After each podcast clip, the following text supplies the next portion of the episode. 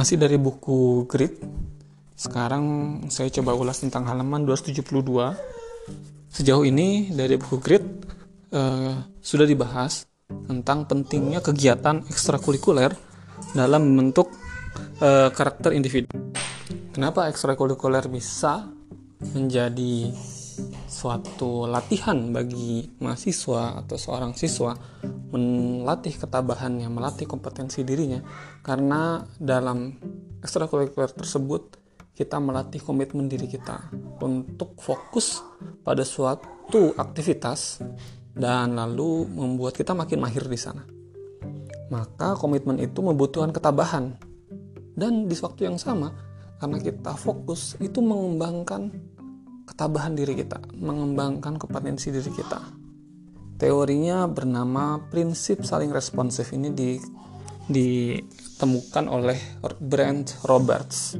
Ya, beliau adalah pakar terkemuka yang e, meneliti tentang bagaimana perubahan cara orang berpikir, merasa, dan bertindak.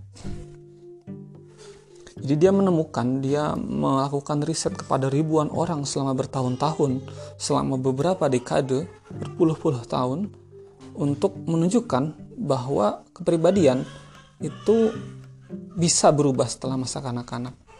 Jadi brand itu meneliti bahwa proses kunci pengembangan kepribadiannya mencakup situasi dan sifat kepribadian yang saling memanggil. Oke. Apa maksudnya itu? Sederhananya saya menyebutnya itu sebagai sebuah lingkaran setan atau lingkaran kebaikan juga bisa jadi. Artinya apa? Misalnya sebuah contoh ya. Brand dan para penelitinya, kolaboratornya memantau seribu orang remaja di New Zealand, di Selandia Baru. Diteliti sejak dia remaja sampai usia dewasa selama bertahun-tahun. Jadi ini riset yang sangat panjang ya. Yang ternyata dibuktikan bahwa remaja yang yang nyebelin gitu ya, yang ngeselin, yang tidak ramah, itu ternyata mendapatkan pekerjaan yang berprestis rendah dan akhirnya banyak hutang. Dan keadaan ini membuat dia semakin tidak ramah, semakin nyebelin, semakin ngeselin, semakin mengesalkan. Jadi seperti itu, ada lingkaran setan. Ketika kita berbuat buruk, kita dapat pekerjaan yang buruk dan membuat kita menjadi orang yang makin buruk, mendapat pekerjaan yang makin buruk dan begitu seterusnya looping. Nah, dan itu juga kejadian sebaliknya untuk lingkaran kebaikan juga bisa terjadi. Oh, anak-anak yang baik mendapatkan pekerjaan yang berstatus tinggi, menawarkan gaji yang lebih baik, dan akhirnya meningkatkan mereka untuk menjadi lebih ramah dan lebih baik. Nah, ini uh, untuk studi ini sudah ada ya dilakukan di oleh tadi peneliti yang tadi. Tapi bagaimana dengan untuk kompetensi orang yang gigih, yang tabah? Nah, menurut penulis buku ini dia mengatakan dia menduga berhipotesis bahwa itu pun terjadi. Seorang anak yang mungkin ketika menghadapi kesulitan, misalnya uh, mendapat nilai yang uh, mendapatkan soal PR yang sulit, PR matematika yang sulit, kemudian dia menyerah dia mungkin akan masuk ke lingkaran setan. Kemudian dia akan menjadi orang yang menyerah lagi, makin menyerah, mendapatkan pekerjaan yang buruk dan semakin menjadi orang yang tidak gigih dan tidak tidak tabah. Sam, tapi juga kadang-kadang bagaimana dengan orang lain misalnya yang dia mendapatkan PR yang sulit, mendapatkan tugas yang sulit tapi dia memaksakan diri. Mungkin dia agak lelah tapi dia dibujuk oleh temannya, di, diajak oleh orang tuanya Mungkin agak kesal tapi dia paksakan. Setelah dia coba dia jadi berhasil. Setelah berhasil dia jadi semakin meningkatkan ketabahannya, kegigihannya. Dan akhirnya dia menjadi orang yang semakin gigih. Jadi lingkaran kebaikan.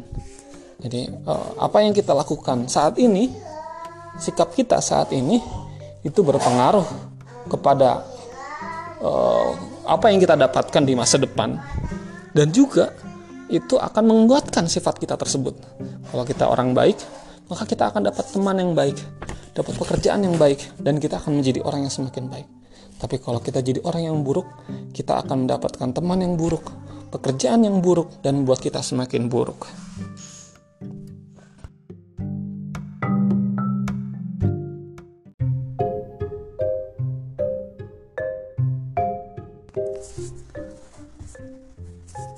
Bill Simmons dilakukan diwawancarai oleh penulis buku ini. Dan Bill ini adalah uh, ketua bagian penerimaan mahasiswa baru di Harvard. Dan pertanyaannya adalah Bill ini ditanya ya apakah penerimaan Harvard itu hanya peduli dengan nilai-nilai akademik saja? Apakah yang masuk Harvard itu hanyalah siswa-siswa yang punya uh, nilai sekolah bagus nilai SMA-nya bagus? Kalau di Amerika mungkin nilai SAT ya. Kemudian uh, Bill pun menjelaskan katanya bahwa beberapa ratus siswa itu diterima di Harvard murni berdasarkan prestasi akademik. Jadi mungkin nilai SMA-nya fisikanya bagus atau nilai SBMPTN ya kalau di Indonesia itu nilainya tinggi-tinggi. Maka mereka diterima masuk Harvard. Dan kenapa? Karena itu menyiratkan, menunjukkan bahwa siswa tersebut akan menjadi peneliti hebat, akademisi hebat di suatu hari nanti. Tapi Harvard juga menerima siswa dalam jumlah yang kurang lebih sama banyaknya dengan akademik tadi ya. Siswa yang seperti apa? Siswa yang membuat komitmen untuk menggapai sesuatu yang mereka cintai, menggapai yang mereka percayai, dan menggapai yang mereka hargai. Dan sudah dan terbukti melakukannya dengan energi, disiplin, kerja keras luar biasa. Nah, Harvard juga menerima orang-orang seperti itu.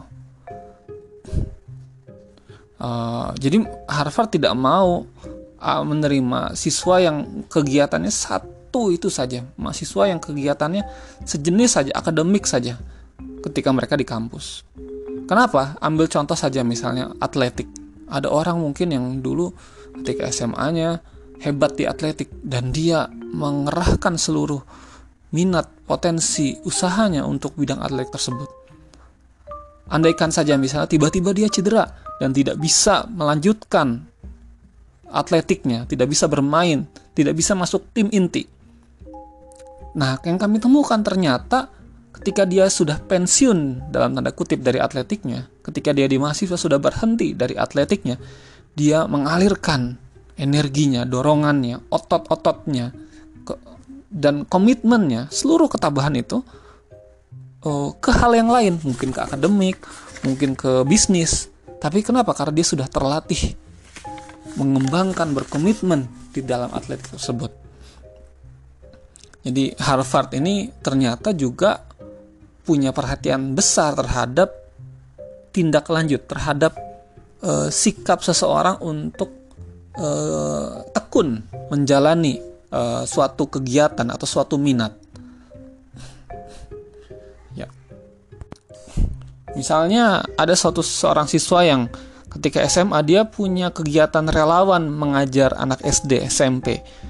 Nah, dia tuh menjadi suatu indikasi bahwa dia mempersiapkan si anak SMA ini mempersiapkan diri menghadapi hal-hal yang sulit ya. Dan dan meng, me, mengelola me, merespon peluang-peluang yang nanti akan ada di perguruan tinggi. Karena kan tidak bukan hal yang mudah. Tekun menjadi relawan mengajar SMP, mengajar SD. Nah, dan Bill mengatakan bahwa Bill sudah punya pengalaman 40 tahun dalam melakukan admisi atau melakukan penerimaan mahasiswa baru. Jadi katanya sebenarnya kebanyakan orang itu lahir dengan potensi yang luar biasa. Tapi yang jadi pertanyaan, apakah setiap orang, setiap diri kita ini mau tidak kerja keras, mau nggak tabah untuk semaksimal mungkin memanfaatkan potensi kita.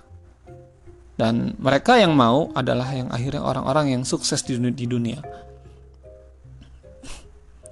Ya, jadi tindak uh, komitmen, konsisten, ketekunan dalam ekstrakurikuler itu mungkin sinyal ketabahan, tapi ternyata juga itu suatu hal yang lebih dari itu, lebih dari sekedar pertanda, tapi benar-benar menjadi uh, bagian dari kesuksesan itu sendiri. Kata Bill adalah bahwa mungkin siswa mengikuti kegiatan karena orang lain. Mungkin karena didorong orang tuanya, mungkin karena pembimbingnya, mungkin karena temannya memberikan saran. Tapi sebenarnya paksaan-paksaan dorongan-dorongan awal tersebut di awal sebenarnya itu akan bertransformasi, akan berubah. Dan siswa akan belajar sesuatu yang sangat penting. Lalu mereka bergabung dari kontribusi untuk kegiatan itu dan dia masuk merasakan melebur dan mungkin itu termotivasi. Dan mereka terlibat dengan cara yang tidak pernah terbayangkan oleh orang tua mereka memang mereka.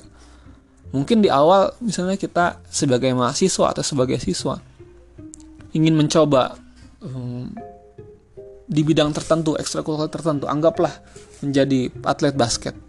Mungkin di awal-awal kita hanya ia terpaksa ikut teman tapi lama kelamaan kita akan terdorong untuk mendalaminya, menikmatinya, menyelaminya. Dan dari proses ketekunan tersebut kita akan menjadi orang yang gigih, yang tekun dan itu adalah pertanda kesuksesan di masa depan berdasarkan beberapa penelitian tentunya.